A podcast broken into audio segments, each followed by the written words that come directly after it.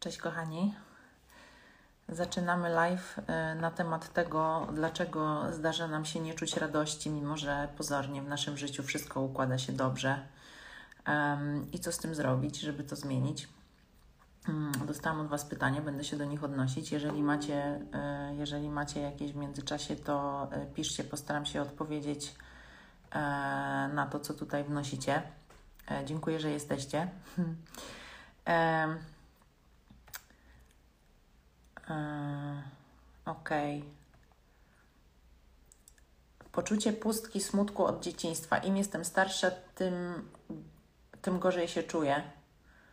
Yy, czuję, jakby moje życie było pozbawione sensu. Yy, dlaczego mimo terapii nie jest lepiej? Dlaczego nie czuję się uwolniona? Nie mogę iść dalej. Mm, no i jak zauważyliście, od paru tygodni e, mówię o emocjach i o zablokowanych emocjach i o uwalnianiu zablokowanych emocji. I teraz zazwyczaj, jak słyszę coś takiego, to mm, wiecie, mm, jesteśmy na profilu, który jeszcze przed chwilą się nazywał Toksyczni Rodzice. I jakby ja jestem osobą, która pracuje z dorosłymi dziećmi dysfunkcyjnych rodziców, więc te wszystkie syndromy DDD, DDA E, to jest to, e, nad czym ja pracuję. I to są osoby, z którymi ja pracuję. I teraz, jeżeli jesteśmy z dysfunkcyjnego domu, i pamiętajcie, że dom dysfunkcyjny nie musi oznaczać, że to był jakiś hardcore lanie i nie wiadomo co tam. E, każdy dom gdzieś tam był dysfunkcyjny. W każdym domu E, rodzice choćby nie wiadomo jak się starali, to zawsze popełniali jakieś błędy, w związku z którymi ty jako dziecko poczułeś, poczułaś się zostawiona sama sobie z trudnymi emocjami. I w związku z tym, że jako dziecko zostałaś, jakby czułaś się zostawiona sama sobie z trudnymi emocjami, to poczułaś, że musisz w sobie, jakby żeby to przetrwać, musisz w sobie wykształcić jakiś mechanizm przetrwania. I zazwyczaj pierwszym mechanizmem przetrwania, jaki w dzieciaku się wytwarza, czy jaki dziecko nieświadomie wytwarza w sobie, jest odcięcie się od emocji, odcięcie się od tych trudnych emocji. Emocje, wszystkie, które możemy poczuć, według teorii psychologicznej sprowadzają się do czterech: e, strach, smutek, gniew i radość. I teraz, jeżeli e, w dzieciństwie e, zobaczyłaś, zobaczyłeś, że odczuwanie trudnych emocji jest ultra trudne, no bo jakby wyobraźmy sobie, albo może nawet prościej czy nie prościej, przypomnijcie sobie różne sytuacje z waszego dzieciństwa, które były dla was hardkorowe. Jakby przypomnijcie sobie, jak trudne to dla was emocjonalnie było, nie? Jak jak trudno jest, będąc dzieckiem, czuć trudne emocje w zdrowy sposób, zwłaszcza jeżeli sprawcami odczuwania przez ciebie tych emocji są twoi rodzice, którzy zachowują się co najmniej niedojrzale, nie? I którzy sprawiają, że na przykład czujesz się przerażona. I w momencie, kiedy dziecko jest zostawione samo samo ze sobą, ze swoimi trudnymi emocjami i jeszcze w takiej sytuacji, gdzie to rodzice są sprawcami tych trudnych emocji i rodzice są zajęci swoją dysfunkcją zamiast zająć się przerażonym dzieckiem, to dziecko robi wszystko, żeby tych emocji nie, nie czuć. Dziecko spycha te emocje na różne sposoby pod dywan. Na przykład e, zaczyna rozweselać rodziców, albo zaczyna e, uciekać, nie wiem, w książki, albo w coś tam, e, w bycie cichym dzieckiem, krótko mówiąc, albo zaczyna brać odpowiedzialność za rodzeństwo, za rodziców, za siebie, za tatusia, który tam gdzieś się e, przewala na klatce schodowej, bo jest pijany, prawda? Albo za mamusię, która cierpi, bo tatuś się przewala na klatce schodowej pijany. Walę stereotypem, no ale jakby wiecie mniej więcej o co chodzi. Um, i my uciekamy w różne mechanizmy właśnie po to, żeby, żeby tych trudnych emocji nie czuć. E, jeżeli od dzieciństwa e, wytwarzamy w sobie schemat nieczucia trudnych emocji, to jeżeli odcinamy się od trudnych emocji, odcinamy się też od pozytywnych. I teraz dziewczyna, która to napisała, że mimo terapii nie jest lepiej, dlaczego, e, dlaczego czuję się nieuwolniona i nie mogę iść dalej. Poczucie pustki, smutku od dzieciństwa. E, Im jestem starsza, tym jest gorzej. Czuję, jakby moje życie było pozbawione sensu. No i właśnie jakby paradoksalnie odpowiedzią jest zanurzenie się w tych trudnych emocjach i to robię z Wami na warsztatach od początku października, w warsztatach uwalniania emocji. E, I to, nad czym będziemy pracować najbliższej niedzieli, to będzie, doszliśmy już do ostatniej z tych emocji, czyli właśnie do radości. Natomiast jakby nie poczujesz radości, jeżeli nie dasz sobie, y, jakby nie, jeżeli nie nauczysz się w bezpieczny sposób czuć y, strachu, gniewu i smutku. Jakby nie możesz być odcięta od trudnych emocji i jednocześnie czuć emocje pozytywne. Jak się odcinasz od emocji, to odcinasz się od wszystkich. I teraz to, co żeśmy na tych warsztatach robiły z dziewczynami, to jest właśnie bezpieczne, nauczenie się bezpiecznego czucia trudnych emocji.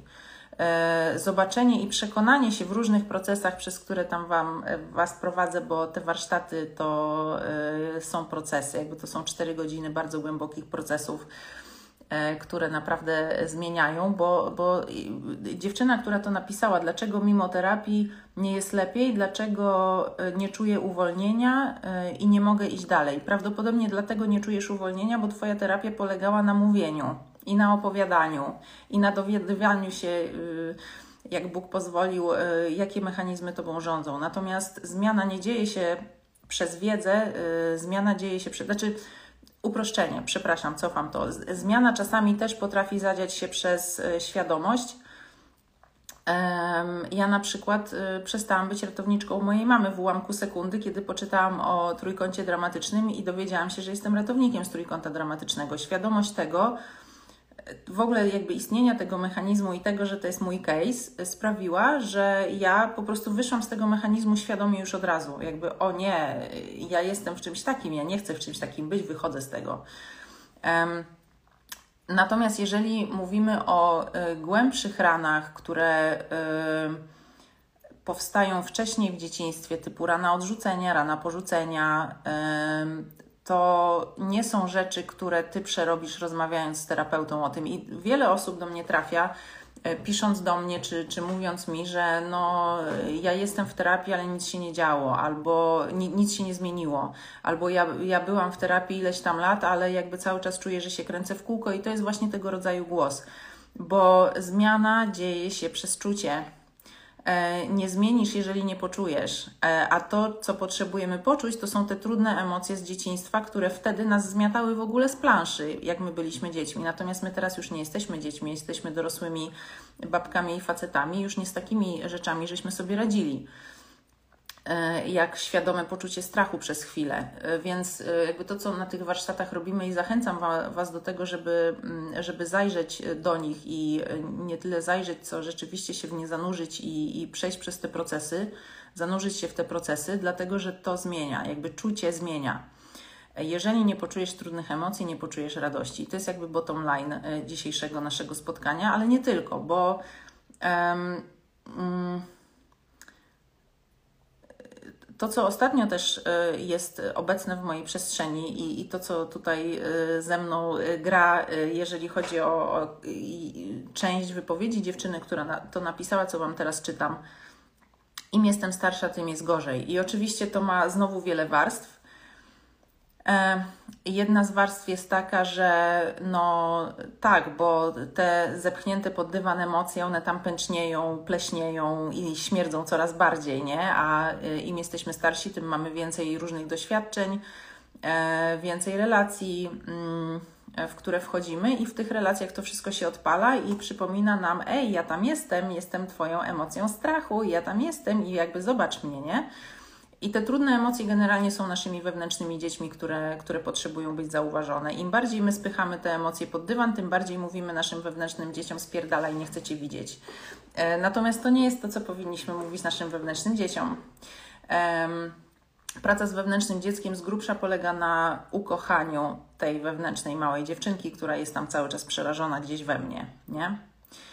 E, więc to jest jedna rzecz. A druga rzecz jest taka, że mm, e, tak zwana kultura zachodu e, bardzo stawia na produktywność i na działanie. I teraz, jeżeli ten okres 0,20 i 20-40 to są właśnie okresy życia, 0,20 lat i 20-40 lat są takimi okresami, gdzie rzeczywiście masz dużo energii, generalnie zapierdalasz, żeby później móc odcinać kupony, ale właśnie jakby to jest to zastrzeżenie, że jakby ta pierwsza, nazwijmy to połowa życia 0,40 to jest do tego, żeby być bardzo aktywnym, natomiast później e, jakby e, ten 40-60, ten etap 40-60, 60-80 to już nie jest do, do zapierdzielania. Natomiast jakby tutaj e, w tym naszym kółku dużo jest osób, które są właśnie na tym przełomie 40 i plus, nie? I jakby to już nie jest y, moment, kiedy ty zapierdzielasz. I, i nawet powiem więcej. Y, y, osoby, które miały bardzo mocne doświadczenia z dzieciństwa, które na przykład sprawiły, że ty musiałaś być. No, miałam sesję z dziewczyną przed chwilą, która, no, będąc dzieckiem, czuła się odpowiedzialna po prostu za całą swoją rodzinę, w tym za siebie. Y, później studiowała na dwóch kierunkach dziennie zajmowała się pijanym ojcem, zajmowała się chorą babcią e, i jeszcze nawet jakby nie miała swojej przestrzeni, żeby, żeby się zregenerować i wyspać, bo była e, jakby zdana na łaskę i niełaskę raczej narcystycznej matki, która bardzo była skupiona na swoich potrzebach, a nie na jej potrzebach. Więc jakby hardcore, więc jakby jeżeli my od małego jesteśmy motorkiem zapierdzielającym na wszystkich frontach dookoła, to my jeszcze szybciej e, wchodzimy w ten etap, gdzie po prostu nie, ja już wysiadam, ja już nie daję rady. Więc też e, to, co mówi nam nauka czucia emocji, to jest e, słuchaj swojego ciała, bo emocje wychodzą z ciała, emocje czujesz w ciele. E, jeżeli nie nauczysz się czuć swojego ciała i nie nauczysz się respektować swojego ciała, czyli swoich emocji, czyli swoich wewnętrznych dzieci, to Twoje ciało jakby tak zrobi, że będziesz musiała go posłuchać, czyli na przykład Cię totalnie złoży. Więc yy, jakby im bardziej my yy, wkomponujemy patrzenie na swoje potrzeby dla odmiany, w naszą codzienną rutynę, tym mniejsze szanse, że życie nas złoży, bo jakby damy sobie tą równowagę, nie? Więc praca nad sobą polega na tym, że radary mamy na siebie i pilnujemy naszego ogródka. Ja też pozdrawiam. Pilnujemy naszego ogródka, czy też nawet ogrodu. Pilnujemy naszych ogrodów i pilnujemy, żeby one kwitły i żeby były nakarmione i żeby były podlane. A my nie jesteśmy, jak wychodzimy z dysfunkcyjnego domu, przyzwyczajeni do tego, żeby patrzeć na nasze potrzeby bo samo to, że my z trudnymi emocjami byliśmy zostawieni sami sobie, e, wskazuje bardzo wyraźnie na to, że rodzice nie byli na tobie skupieni, rodzice nie widzieli Twoich emocji z różnych powodów, głównie dlatego, że byli niedojrzali i sami nie, nie, nie ogarniali swoich własnych emocji, dlatego byli dysfunkcyjni. Natomiast, no, jakby mleko się rozlało i. Um, i my nie jesteśmy przyzwyczajeni do tego, żeby w ogóle siebie słuchać, no bo skoro rodzic nie słucha mnie, rodzic nie jest skupiony na mnie, no to jak ja mogę być skupiona na sobie? Jakby rodzic jest moim Bogiem, rodzic mi pokazuje, co jest dobre, a co jest złe, no i rodzic nie będąc skupiony na mnie, pokazuje mi, że jakby to w ogóle nie jest temat. My, jakby ja nie jestem tutaj podmiotem w ogóle, nie jestem ewentualnie jakimś tam przedmiotem do zaspokajania ich jakichś tam potrzeb, nie? Um, mm. Jeszcze mam takie pytanie, czy nastolatki częściej nie potrafią się cieszyć niż dorośli? E, jakby mm, nie wiem, e, natomiast e, sądzę, że w dzisiejszych, tak zwanych dzisiejszych czasach niełatwo jest być nastolatkiem. E, e, I jakby to jest zagadnienie, które ma e, pierdyliard warstw, ale to, co jest, wydaje mi się, bardzo reprezentatywne dla tego tematu to jest y, chociażby odsetek różnych diagnoz y, psychicznych wśród y, młodzieży i wśród dzieciaków. I oczywiście też można zahaczyć tutaj o działanie systemu w ogóle i jakby rynku farmaceutycznego, i to jest kolejny bardzo wielki temat, którego warto mieć jakąś tam świadomość. Mm, natomiast no, podejrzewam, że nie lekko jest być nastolatkiem w dzisiejszych czasach, ale z drugiej strony w naszych czasach, tak zwanych, też nie lekko było być dzieciakiem i nastolatkiem, nie? I jakby mm, też praca nad tymi emocjami to jest też trochę to, co będziemy robić na najbliższych warsztatach w niedzielę. To jest e, zobaczenie w sobie tego wewnętrznego dziecka i wewnętrznego nastolatka nie tylko jako e, tej, e, tego kawałka w nas, który jest bardzo straumatyzowany I oczywiście to, te, ta, to straumatyzowane wewnętrzne dziecko w nas to jest ta część nas, która potrzebuje najwięcej uwagi, bo jakby ona, jeżeli jest niezaopiekowana, nieukochana, no to sami wiecie, że potrafi się odpalać i potrafi robić różne y, niekoniecznie dojrzałe rzeczy względem siebie i względem innych ludzi. E, więc y, jakby w terapii to jest, y, no ja zawsze o tym mówię jako o podstawie w ogóle pracy nad sobą, zaopiekuj się swoim wewnętrznym dzieckiem, bo inaczej daleko nie pojedziesz. Jakby niezaopiekowane wewnętrzne, nasze niezaopiekowane wewnętrzne dzieci stają się źródłem naszych toksycznych zachowań względem innych ludzi, względem nas samych, względem naszych dzieci. I to właśnie w ten sposób e, toksyczne zachowania się przenoszą z pokolenia na pokolenie, że nasze wewnętrzne dzieci, moja, nie wiem, porzucona, e, opuszczona, samotna, wewnętrzna pięciolatka na przykład wymaga od, od e, mojego partnera, no po prostu, żeby był nagle moim tatusiem i żeby mnie zawsze rozumiał i żeby zawsze był przy mnie. To nie jest jego rola, on jest facetem moim, on nie jest moim tatusiem, a ja nie jestem jego córeczką. Więc jakby różne tutaj mechanizmy. I w różny sposób możecie jakby doświadczać tych straumatyzowanych wewnętrznych dzieci. Natomiast wewnętrzne dziecko to nie są tylko traumy, to jest też to, co nam sprawiało radość w dzieciństwie, czego bardzo często my nie pamiętamy na przykład w ogóle, mm, prawda? E, I, e, i ta praca z wydobywaniem tego to jest, to jest to, co będziemy robić właśnie w niedzielę też, nie? Czyli patrzenie na to, co sprawiało mi przyjemność w dzieciństwie, kiedy byłam nastolatką i w miarę możliwości wprowadzanie tego w nasze dorosłe życie.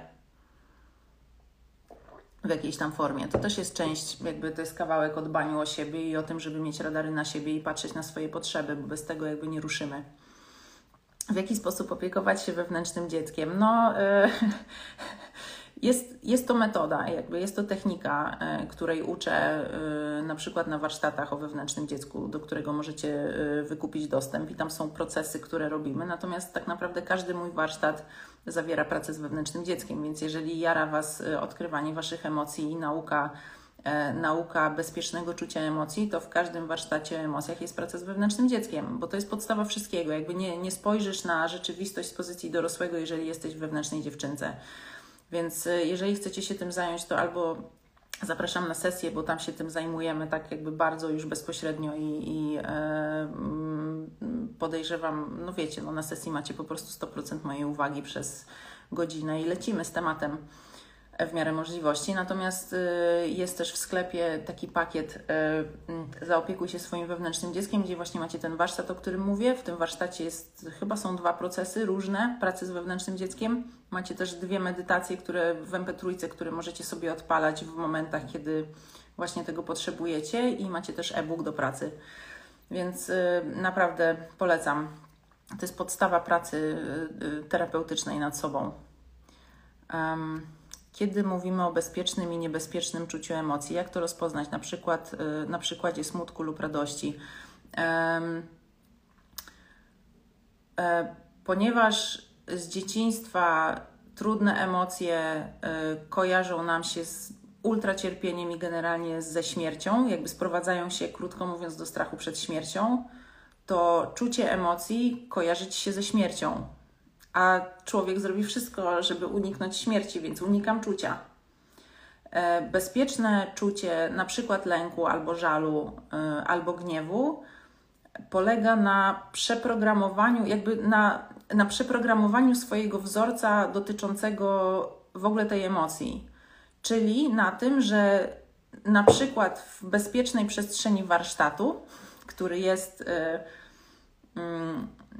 no jakby gdzie czujesz prowadzenie osoby, która jest takim trochę ciepłym rodzicem, czyli mnie w tym wypadku, e, w, bezpiecznym, w bezpiecznych okolicznościach, w bezpiecznej przestrzeni, ty nagle doświadczasz tego, że możesz czuć strach i jednocześnie możesz czuć się bezpiecznie, jakby, że to jest coś, co cię nie rozwala. Że jakby ty czujesz strach, ale jednocześnie jakby jesteś, dalej istniejesz.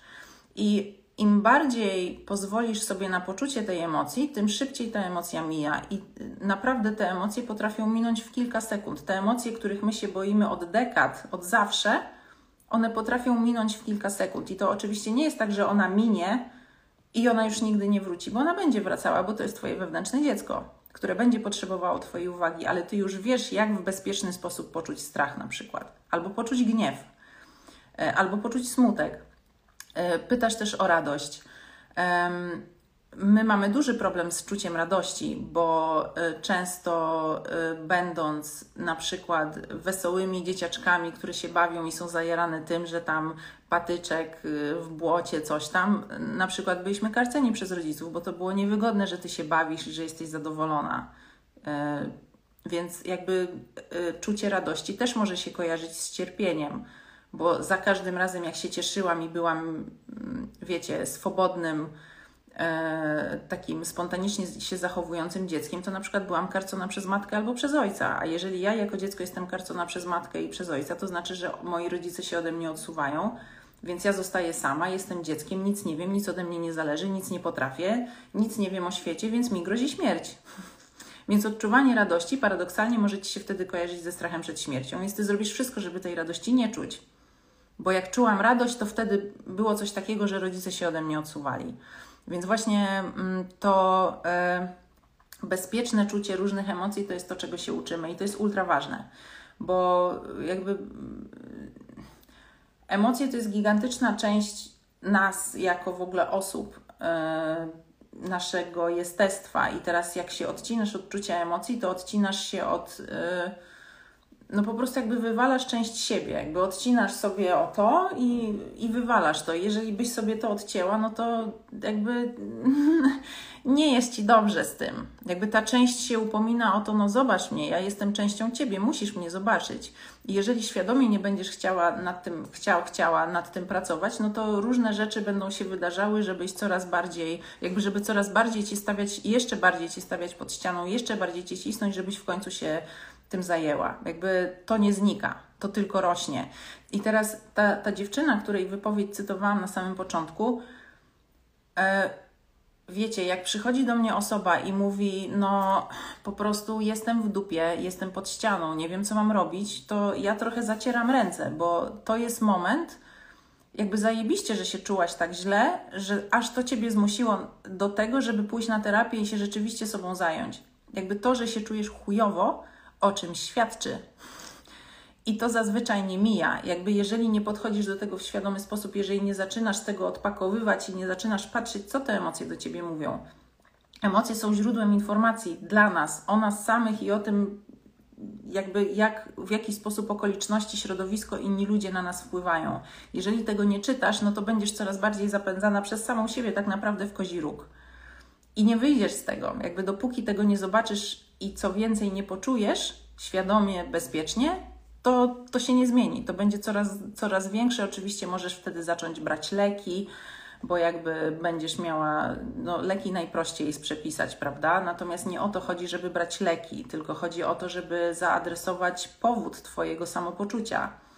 Twoje źródło, źródło Twojego złego samopoczucia nie polega na tym, że Ty nie bierzesz leków, tylko na tym, że, że po prostu masz jakiś problem, który się rozpoczął w dzieciństwie, nie? I dopóki tego nie ogarniesz w jakiś sposób, nie chcę używać słowa przepracujesz, bo to brzmi tak, jakbyśmy mogli coś przepracować i jakby mieć coś z głowy. To jest praca już na zawsze. Natomiast jak zaczynasz nad sobą pracować, jak zaczynasz mieć narzędzia, chociażby właśnie ta praca z wewnętrznym dzieckiem, o, które, o którą pytała któraś z Was, jak to robić.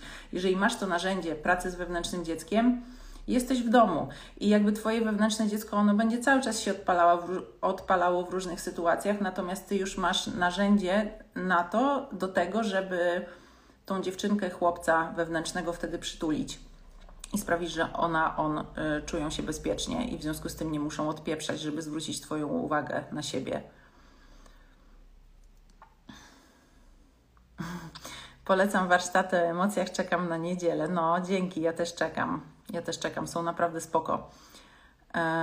W jaki sposób skutecznie uwolnić się emocjonalnie od rodziców? No, to nie jest pytanie na tego live'a, y, natomiast y, jak mówię, że podstawą, e, podstawą pracy nad sobą jest praca z wewnętrznym dzieckiem, to powiedziałabym, że jeszcze niżej, znaczy czy nawet może równolegle, ale troszeczkę na innych może warstwach, jest właśnie uregulowanie relacji z rodzicami. Jeżeli masz nieuregulowaną relację z rodzicami, jeżeli cały czas jakby masz toksycznych rodziców w swoim życiu i, i dajesz im prawo wpływania na Twoje życie, jakby idziesz jedną nogą, nie? Nawet jeżeli pracujesz z wewnętrznym dzieckiem, nawet jeżeli chodzisz na terapię, jeżeli masz kontakt z toksyną i z trucizną, e, i teraz mi nie chodzi o to, żeby się totalnie odcinać od rodziców, ale chodzi o to, żeby być dorosłym w tej relacji, żeby stać się dorosłym w tej relacji. I oczywiście drogą do tego też jest praca z emocjami.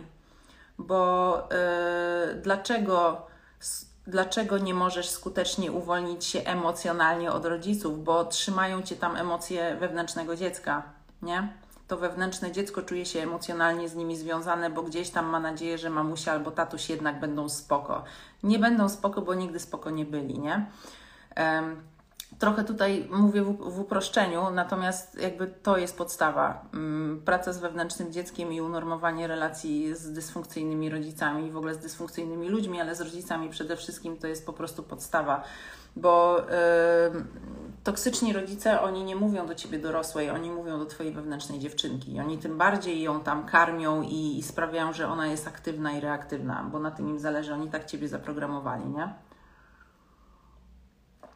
A zaprogramowali ciebie tak, żeby było dla nich wygodnie, nie dla ciebie. W toksycznym domu nikt o tobie nie myślał, ty byłaś narzędziem. Także tak. E, nie żyję w zgodzie ze sobą i swoimi pragnieniami, tylko pragnieniami innych. Jak to zmienić? No właśnie, i teraz. Y, od kiedy nie żyjesz w zgodzie ze sobą? No od dzieciństwa nie żyjesz w zgodzie ze sobą. Jakby już w dzieciństwie ciebie cisnęło. Już w dzieciństwie byłaś, e, byłaś wrzucona w ramy, które w ogóle nie były twoje.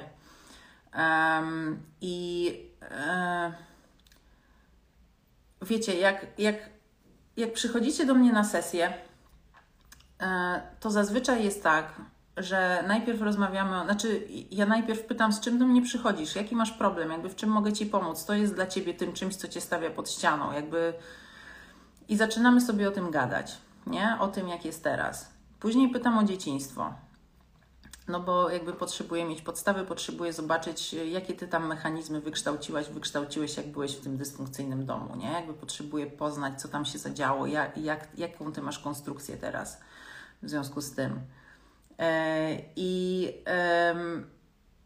i, i to, co, to, co się dzieje później, to jest pytanie o emocje. Co ty czujesz, kiedy coś tam? Jakie jest dla ciebie najtrudniejsze uczucie? Jaka jest dla ciebie najtrudniejsza emocja? I teraz dziewczyna, która to napisała, nie żyje w zgodzie ze sobą i swoimi pragnieniami, tylko pragnieniami innych. Jak to zmienić? No to dobra, no to w jakich sytuacjach to się przejawia? Kiedy na przykład tak było? Jakby jakie są typowe sytuacje? Okej, okay, takie, takie, śmakie. Okej. Okay jak ty się czujesz w tych sytuacjach? No czuję się tak i tak. Dobra, no i od tego uczucia wychodzimy do pracy z wewnętrznym dzieckiem, nie? Jak e, zaopiekujesz się wewnętrznym dzieckiem, to, bo jakby pamiętajcie o tym, że to straumatyzowane wewnętrzne dziecko, ono jest totalnie w emocji strachu przed śmiercią. Jeżeli jesteś w emocji strachu przed śmiercią, to ty nie myślisz logicznie, jakby jesteś totalnie w trybie przetrwania mimo że sobie siedzisz tutaj na wygodnej kanapie i masz przed sobą, nie wiem, telewizor czy co tam masz i obraz na ścianie, to jesteś totalnie w trybie przetrwania. Jakby jesteś jaszczurką wtedy, nie jesteś człowiekiem nawet. Już nie mówię, że, że dorosłym, ale jakby jesteś jaszczurką, która czuje się mm, zapędzona w kozi róg, nie? Jak jesteś jaszczurką, to nie podejmujesz racjonalnych decyzji i nie, nie, nie patrzysz, nie rozumujesz, nie, nie widzisz rzeczywistości jako osoba dorosła. I um, dopóki się nie zaopiekujesz wewnętrznym dzieckiem, to twoja dorosła w ogóle jakby jej nie ma, ona nie istnieje, jesteś jaszczurką. Zaopiekowanie się wewnętrznym dzieckiem sprawia, że jesteś w stanie um, podejść do swojego życia jako osoba dorosła.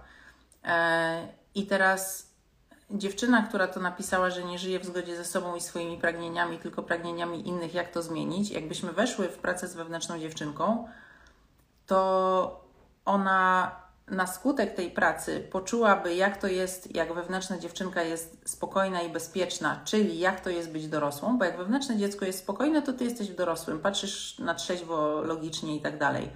Jak z dorosłego spojrzysz na to, co tam się dzieje i w ogóle jakie to, jakie to są te przykłady, kiedy ty nie żyjesz w zgodzie ze sobą, to będziesz miała gotowe odpowiedzi, co z tym zrobić, bo dorosły wie.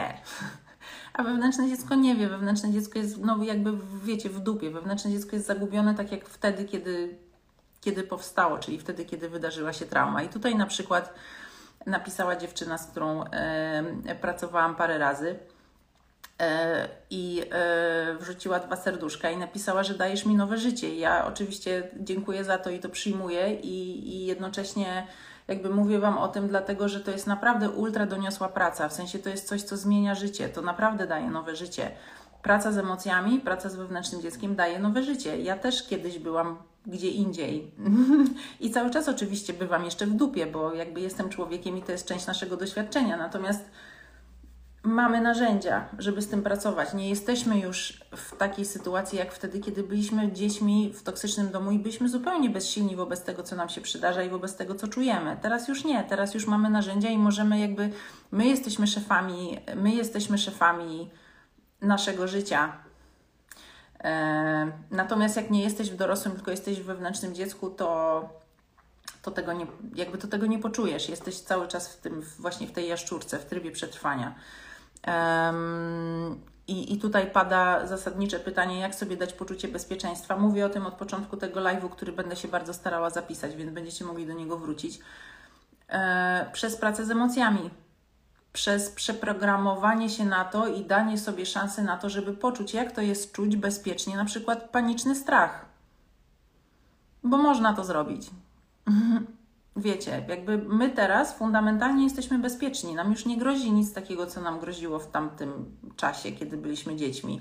Już nie jesteśmy bezbronni, już nie jesteśmy e, jakby bierni, poddani i zależni. E, oczywiście toksyczne dzieciństwo sprawia, że my e, nieświadomie podejmujemy wiele wyborów w dorosłym życiu, które nas wrzucają w różne dziwaczne zależności od dziwacznych ludzi.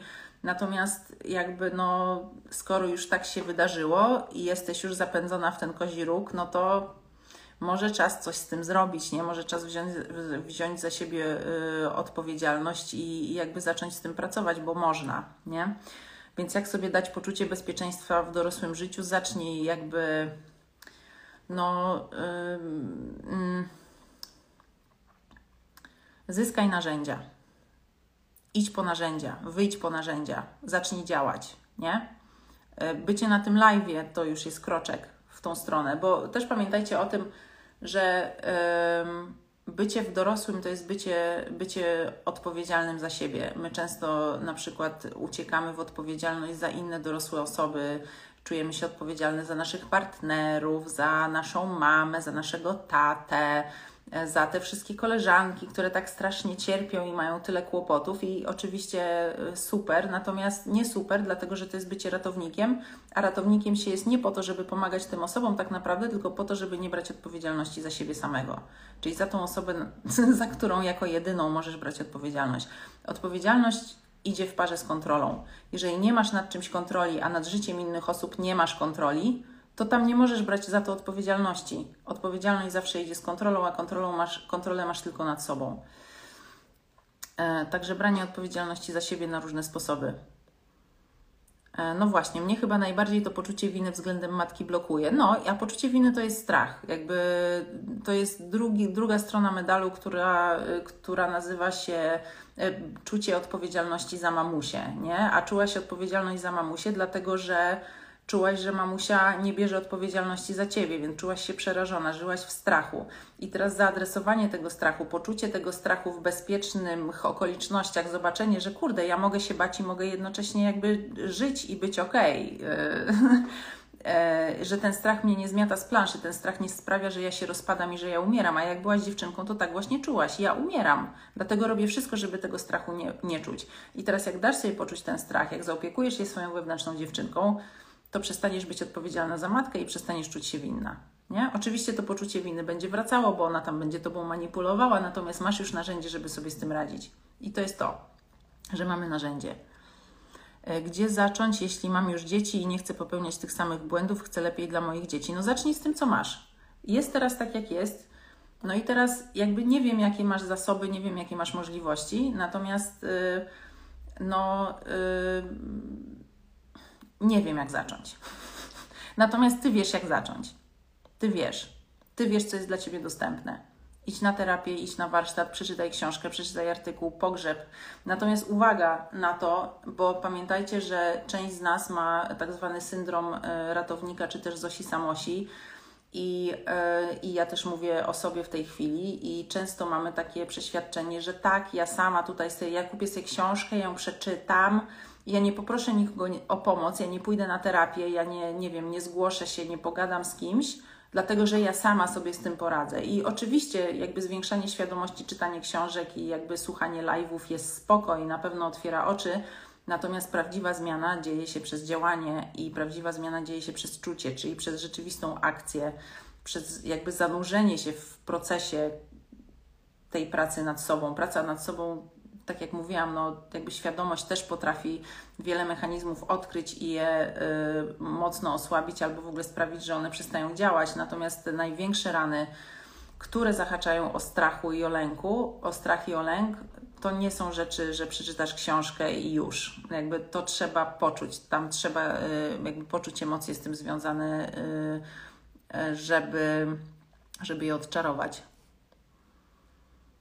Mm mi jest tak bardzo źle, a nie widzę, gdzie mi jest źle. I jakby praca z wewnętrznym dzieckiem jest o tyle super, że ty nie musisz widzieć, jakby ty, ty nie musisz widzieć, gdzie jest ci źle, ty nie musisz rozumieć, ty nie musisz potrafić nazwać w ogóle to uczucie. To nie ma znaczenia. Ważne, że to czujesz. I to jest punkt wyjścia, nie? E, praca z wewnętrznym dzieckiem dzieje się na poziomie czucia. Dzieje, dzieje się poza logiką. Mm, I zresztą, moja droga, właśnie tak się składa, że czytam Twoje pytanie które wysłałaś wcześniej. E, nie wiem, dlaczego przestałam grać na instrumencie, dobrze mi szło, coś mi podpowiada, że to strach przed własną krytyką, ocenianiem, jak to rozbroić. No i jakby wewnętrzny krytyk, e, temat rzeka, e, wewnętrzny krytyk, który sprawia, że my mamy jakieś przekonania na własny temat i być może możesz mieć przekonanie, że e, i tak mi nie wyjdzie, nie opyla się w ogóle zaczynać, albo nie opyla się kończyć, bo i tak jakby i tak nie będę najlepsza. Jakby różne możesz mieć mechanizmy. Nie wiem, co ci tam matka i ojciec wrzucali w dzieciństwie, mniej lub bardziej wprost. Natomiast e, wewnętrzne krytyki, nasze e, niesprzyjające przekonania na własny temat są często źródłem zahamowania radości. Bo jakby gra na instrumencie jest totalnie takim dziecięcym przejawem ekspresji. Czy znaczy, ja nie mówię, że nieważne. jakby e, granie na instrumencie to jest dzieciak, jakby to jest Twoja radosna wewnętrzna dziewczynka, która no aż po prostu tam ma zajawkę. Wiecie, te wszystkie momenty, kiedy mamy zajawkę na coś, to jest ten, nie ten straumatyzowany, tylko ten taki radosny, spontaniczne, spontaniczne wewnętrzne dziecko, które trochę przez y, toksyczne dzieciństwo zostało jakby no, zmiecione, nie? Nie można było być spontanicznym w dysfunkcyjnym domu, trzeba było być w trybie przetrwania, tam nie ma miejsca za bardzo na spontaniczność. No i teraz na warsztacie niedzielnym będziemy bardzo mocno pracować z wewnętrznym krytykiem i będziemy bardzo mocno pracować z przekonaniami, z niesprzyjającymi przekonaniami na własny temat, bo to jest to, co blokuje radość. Wiecie, moje warsztaty są zajebiście praktyczne. My tam nie bijemy piany, tylko to jest coś, co sprawia, że Wy rzeczywiście zaczynacie inaczej czuć na swój temat i inaczej patrzeć na siebie. Więc y, i praca z przekonaniami y, jest bardzo o odblokowaniu czucia radości, bo naprawdę my sobie często nie zdajemy sprawy z tego, jak bardzo i co my tam tak naprawdę y, podświadomie o sobie myślimy. Mm. Pamiętajcie, to jest to, co ostatnio wrzucałam jako post że głos naszych rodziców w dzieciństwie staje się naszym wewnętrznym głosem w dorosłości.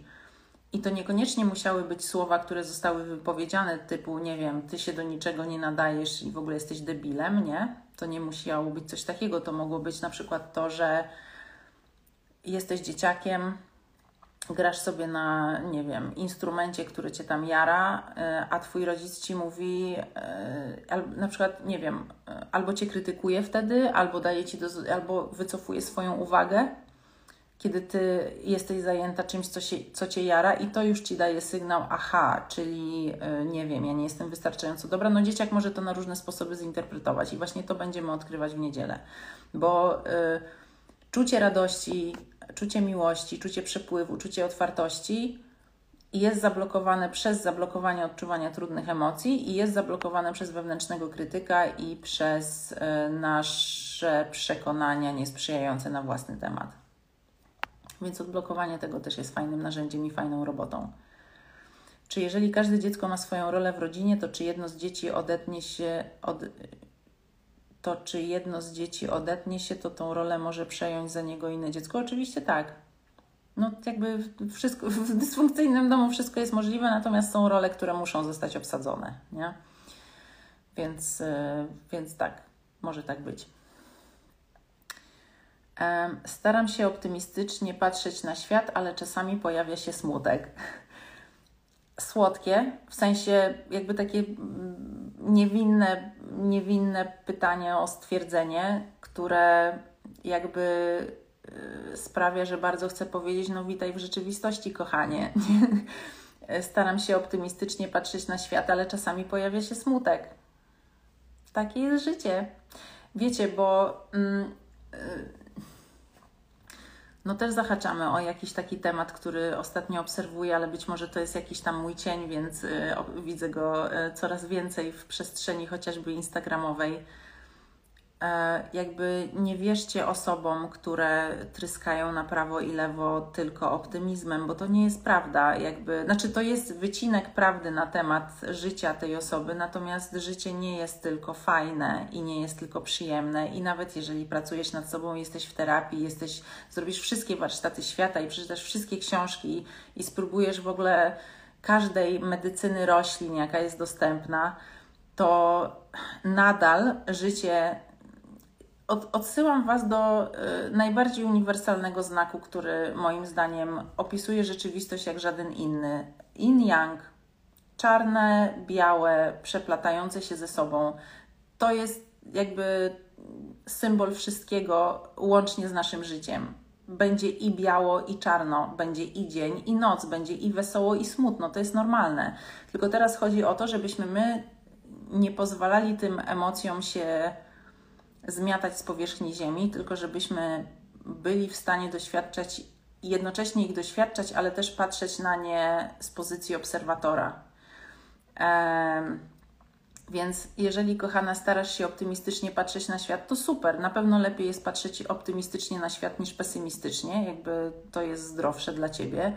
Natomiast czasami pojawia się smutek, super ten smutek cię o czymś informuje, popatrz na niego, bo wiecie, też życie w takiej bańce, że no po prostu e, good vibes only i w ogóle no po prostu tylko miłość, jakby super, miłość jest wspaniała i dążmy do niej za wszelką, za wszelką cenę, e, natomiast to nie jest prawdziwe życie I teraz, jeżeli będziesz e, ignorować swój smutek, no to to jest właśnie spychanie emocji pod dywan, o czym mówię od początku tego live'a, i te emocje tam pęcznieją, i tym bardziej będą cię atakowały. No, zau zauważ mnie w końcu, nie? Bo te emocje zepchnięte pod dywan to są nasze wewnętrzne dzieci w bardzo dużej mierze.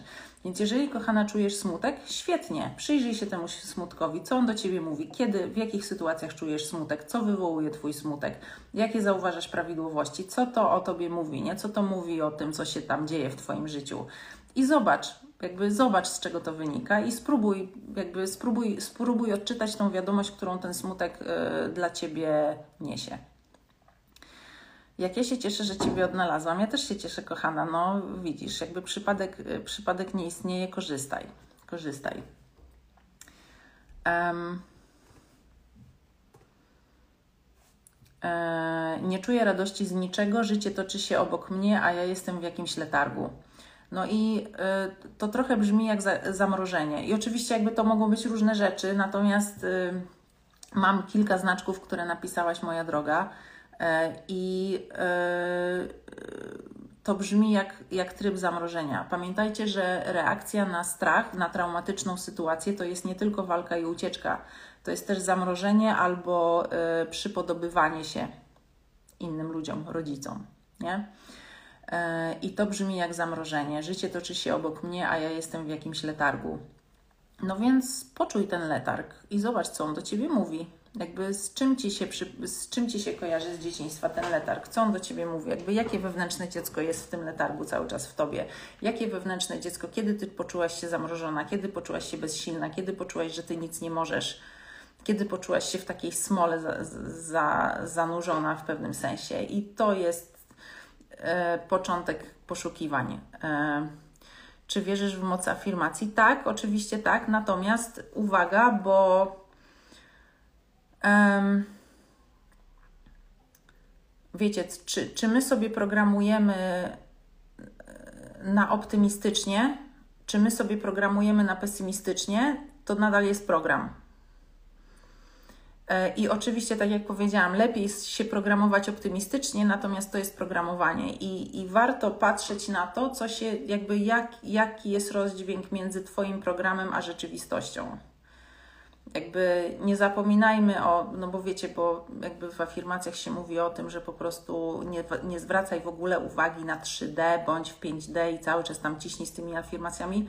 Spoko, E, natomiast 3D to jest to, w czym my żyjemy. W sensie, e, wiecie, y, jakby praca nad sobą nie polega na y, odlatywaniu w jakieś nie wiadomo jakie sfery i w życiu chuj wie gdzie, tylko polega na tym, że nogami e, derwisze, czyli ci panowie, którzy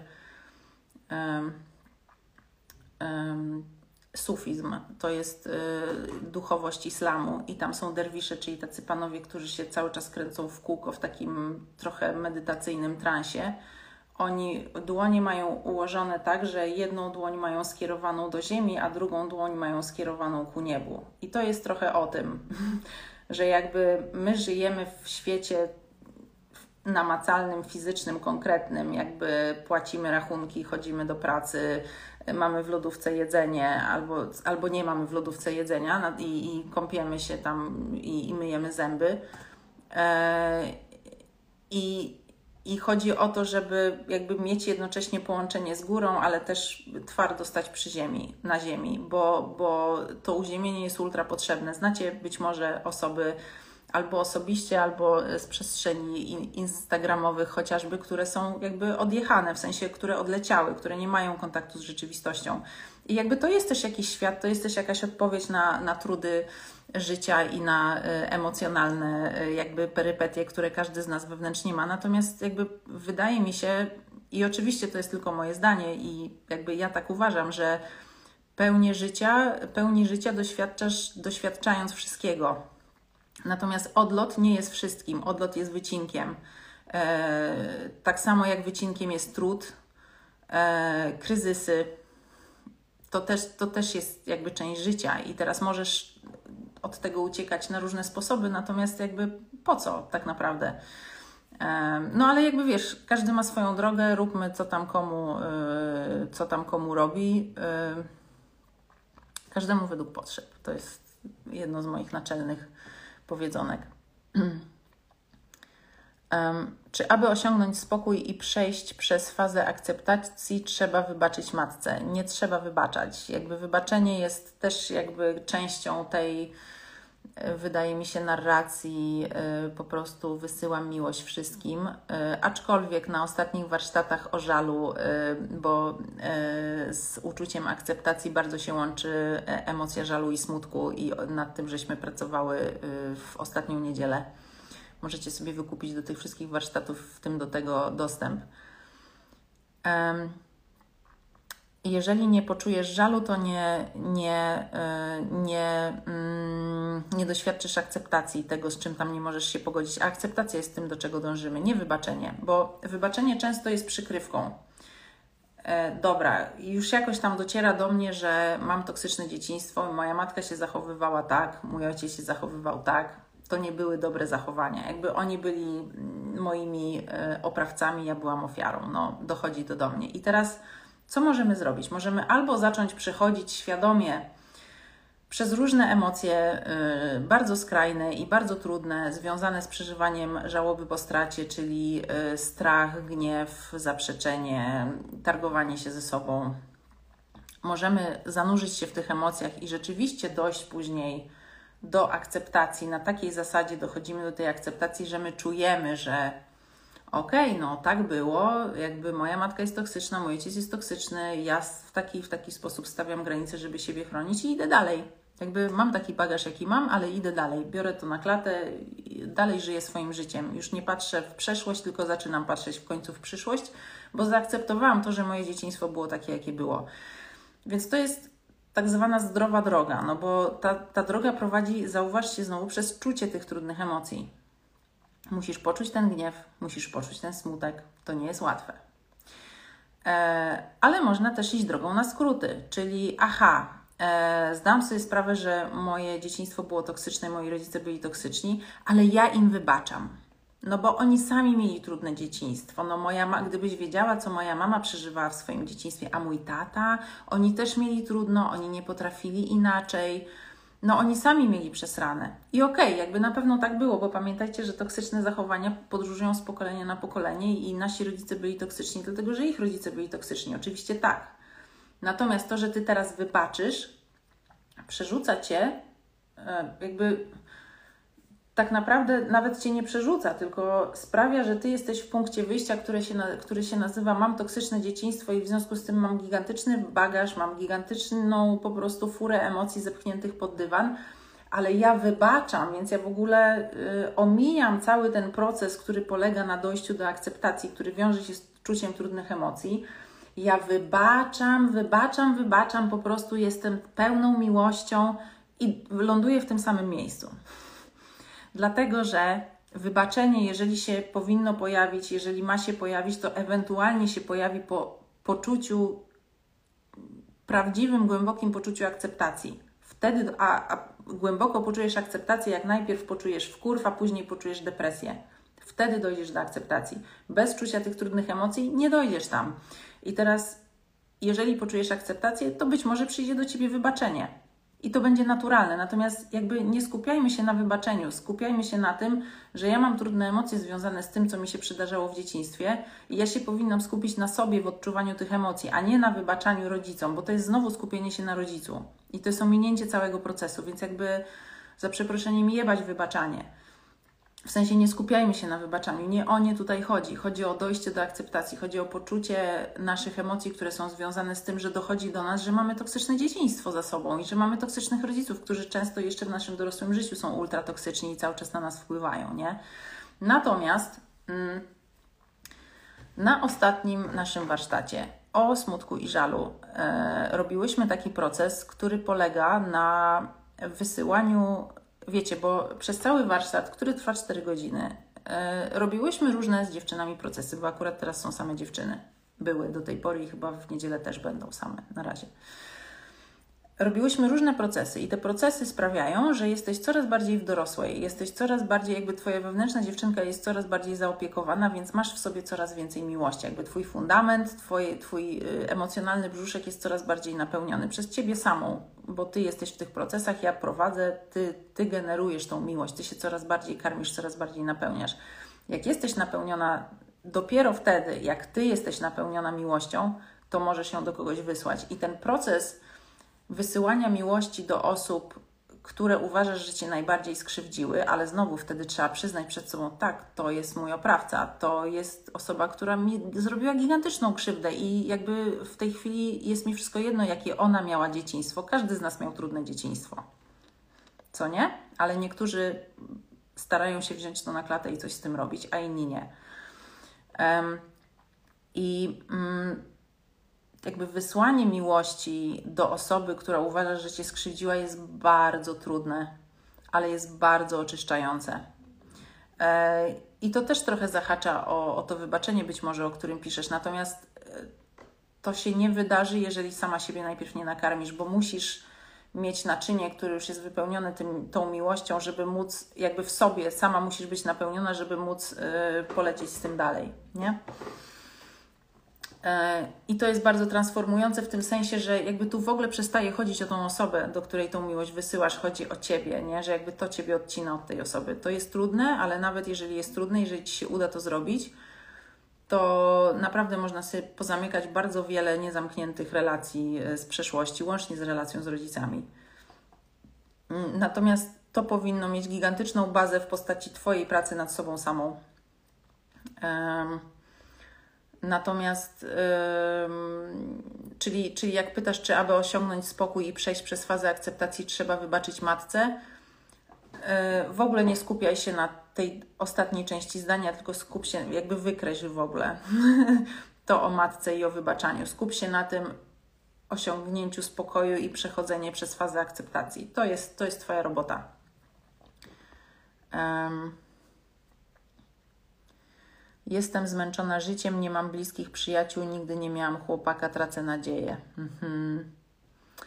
No i teraz yy, wiesz, no trochę brzmi jak unikowy styl przywiązania, e, bo jakby to, co piszesz, sprawia, że myślę, że e, ty chcesz być w relacjach, ale jest część ciebie, która ucieka od relacji, która boi się relacji. A dlaczego? Dlatego, że w dzieciństwie bliskie relacje, czyli relacje najbliższe, jakie miałaś z rodzicami, kojarzyły ci się z cierpieniem rodzice sprawiali tobie ból i strach i inne trudne emocje. Więc teraz próbujesz tego uniknąć, wchodząc w unikowy styl przywiązania. Taka jest moja hipoteza na szybko. Na podstawie tego krótkiego zdania, które, które wpisałaś w to okieneczko, które tam rzuciłam. Więc um, no, jakby nie trać nadziei, natomiast niech to będzie dla ciebie sygnał, że coś jest tobie e, jest coś do przepracowania i może to, że tracisz nadzieję, jest właśnie tym momentem, gdzie jesteś zapędzona w kozi róg i może to jest ten moment, że wa warto jakby, nie wiem, zgłosić się po pomoc um, i zacząć to rozbrajać. Um, bo te mechanizmy są do przeprogramowania w bardzo dużej mierze, więc jakby czemu nie korzystać z tego, nie? Natomiast na pewno jest to sygnał dla ciebie, że warto coś z tym robić, no bo jest ci niewygodnie, inaczej byś nie zadawała tego pytania. Mm, a skoro jest ci niewygodnie, to jest jakieś uczucie, jakaś emocja, która ci coś mówi.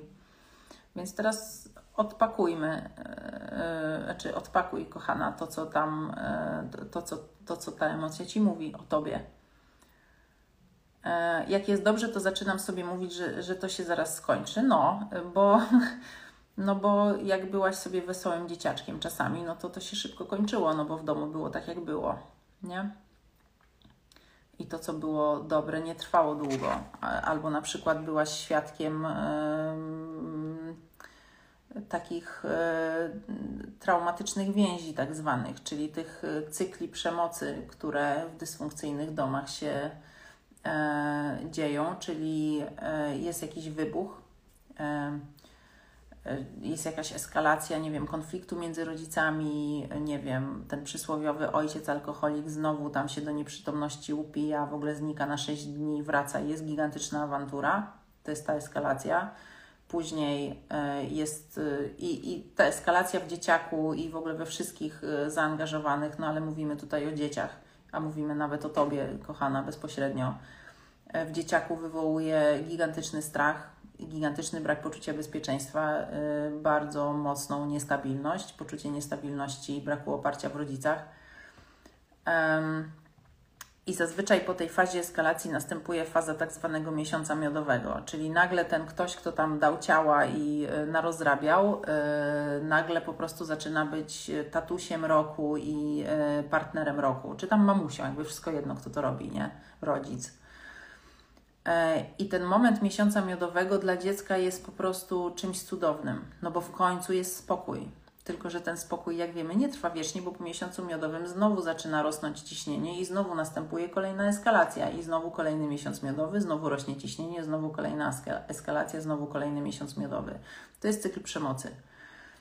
Um, i teraz jak mówisz, jak jest dobrze, to zaczynam sobie mówić, że to się zaraz skończy, no bo jakby widziałaś, że to się, że to się zawsze kończyło, no bo to, to, to nie była prawda tak naprawdę. Ten miesiąc miodowy to jest ściema, to jest manipulacja osoby, która przed chwilą dała ciała, żeby jakby dalej pozostać w tej dysfunkcyjnej relacji, bo pamiętajmy, że w, dysfunkcyjnym, e, w dysfunkcyjnej relacji, w dysfunkcyjnym, toksycznym związku oboje jesteśmy toksyczni i obojgu nam coś to robi, że my jesteśmy w tej toksycznej relacji z jednej strony się męczymy, ale z drugiej strony to karmi nasze dysfunkcyjne mechanizmy, nie?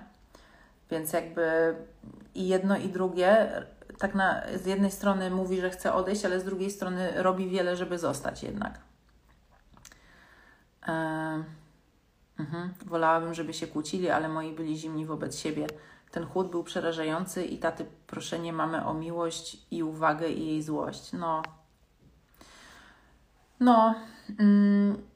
I jeżeli jest takie doświadczenie, no to jakby no sama wiesz, kochana, że różne mechanizmy z tego, e, jakby z tego wynikają. Natomiast jeżeli ktoś mi pisze, że jak jest dobrze, to zaczynam sobie mówić, że to się zaraz skończy, no to, to znaczy, że taki był jakby taki był wzorzec gdzieś tam, no, że jak było przez chwilę dobrze, to to się zaraz kończyło.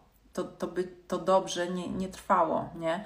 I teraz zobaczcie, w momencie, kiedy my potrafimy być ze swoimi emocjami, my potrafimy się komunikować z drugim człowiekiem, po pierwsze, jak potrafimy być z, ze swoimi emocjami w zdrowy sposób, to nie przyciągamy osób, które nie potrafią być ze swoimi emocjami w zdrowy sposób, bo to po prostu nie pasuje, jakby te dwie energie się znoszą. Nie, nie, nie będziesz z kimś, kto jest nieogarnięty emocjonalnie, bo jakby no po prostu taki ktoś nie jest dla ciebie atrakcyjnym partnerem.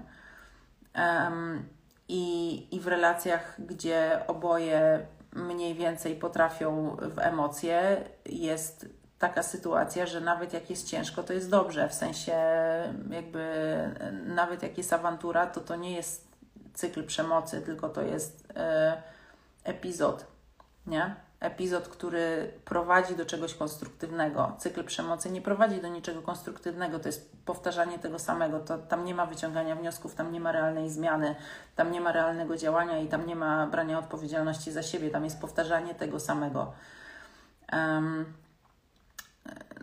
no i dlatego później, jak jest dobrze, to zaczynam sobie mówić, że to się zaraz skończy, nie? To też jakby mogło być tak, że nie musiało być yy, yy, cyklu przemocowego, ale na przykład możesz mieć jakieś bardzo silne doświadczenie. Kiedyś na sesji doszłyśmy chyba z dziewczyną do tego, że jakby jednym z takich ważniejszych, trudnych wspomnień z jej dzieciństwa było to, jak ona sobie wesoło wracała ze szkoły, było w ogóle miło i sympatycznie i w ogóle no po prostu cudnie. Jedno z tych wspomnień, które jest w Tobie bardzo żywe i w ogóle pamiętasz jak byłaś ubrana i co było dookoła i tak dalej, mimo że tam miałaś 5 latek czy 8.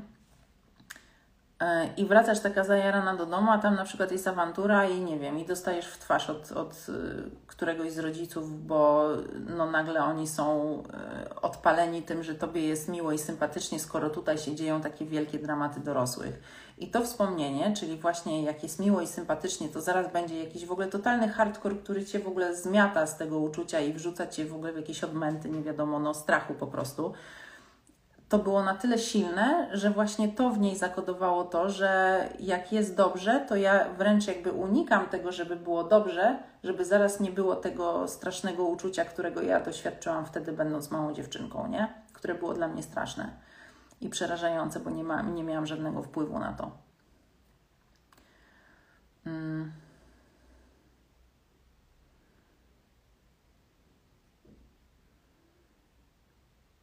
Przy szczęściu za chwilę jest jakaś trudna sytuacja i szczęście przysłania. No właśnie to jest trochę witamy w rzeczywistości, jakby tak wygląda rzeczywistość, nie? I um, jakby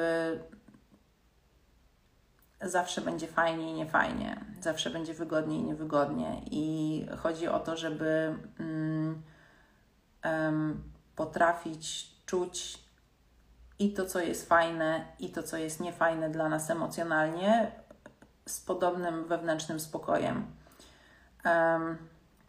Jeżeli macie na to przestrzeń, to bardzo Wam polecam Vipassanę, czyli naukę tej techniki medytacji. To jest wyjazd, który trwa ileś tam dni. E, I na takim wyjeździe uczysz się patrzeć na wszystko, co Cię spotyka i na to, co jest fajne i na to, co jest niefajne w bardzo podobny sposób, bo um, wschodnim okiem patrząc na to, to trochę wszystko jedno, czy jest cudownie, czy jest chujowo, e, to jest emocja. I teraz im bardziej my pragniemy tego, co jest fajne, albo im bardziej my chcemy uniknąć tego, co jest niefajne, tym bardziej na, narażamy się na frustrację, bo to, co fajne, przeminie, to, co niefajne, też przeminie, ale też na pewno nastąpi. Więc jakby wszystko, przed czym uciekamy i wszystko, do czego dążymy, naraża nas na cierpienie. I tak naprawdę to nie, to nie, sama, to nie emocja sama w sobie sprawia nam cierpienie, tylko to, w jaki sposób my do tego podchodzimy. Właśnie to pragnienie i jednocześnie pragnienie tego, co jest miłe i unikanie tego, co jest niemiłe, przynosi cierpienie. Bo tak naprawdę, czy to jest ekstaza, czy to jest paniczny strach, jak sobie byście wzięli oś, to jeżeli ekstaza jest plus 10, a paniczny strach jest minus 10, to to jest nadal 10, tylko że z innym znakiem. I teraz pamiętanie o tym, że to mija, a to mija tylko wtedy, kiedy świadomie to poczujesz, jest bardzo uwalniająca.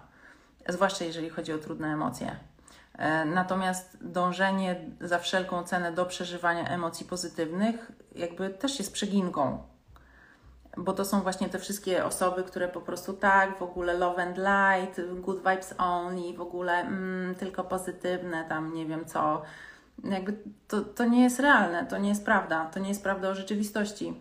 Rzeczywistość taka nie jest i możesz na różne sposoby i różnymi substancjami y, jakby y, wrzucać siebie w stany, które są w ogóle plus 10, natomiast to nie o to chodzi, bo to nie jest prawda, to nie jest prawdziwe. To jest jakiś wycinek rzeczywistości. Także, kochani, yy, zachęcam do nauki bezpiecznego czucia, bo w momencie, kiedy jesteś w stanie świadomie poczuć emocje, to jakby nie dajesz tej emocji sobą rządzić. W momencie, kiedy nie jesteś w stanie świadomie, bezpiecznie poczuć danej emocji, to ona tobą rządzi i sprawia, że zachowujesz się yy, w sposób niedojrzały i że no często mm, jakby masz wtedy dysfunkcyjne zachowania względem innych ludzi i względem siebie, bo wrzucasz siebie w jakieś mm, po prostu nieludzkie, nierealne oczekiwania względem siebie i względem innych ludzi. Kochani, więc e, no, dziękuję Wam za pytania. E, będę starać się zapisywać tego live'a zaraz, więc e, korzystajcie. Zapraszam Was na najbliższe warsztaty. Y, tym razem będziemy uwalniać radość i będziemy mocno pracować z wewnętrznym krytykiem y, i z naszymi y, niesprzyjającymi przekonaniami na własny temat. Także korzystajcie. Dziękuję Wam, że spędziliście ze mną kawał wieczora dzisiaj. No i jesteśmy w kontakcie. Buziaki. Dziękuję Wam. Pa!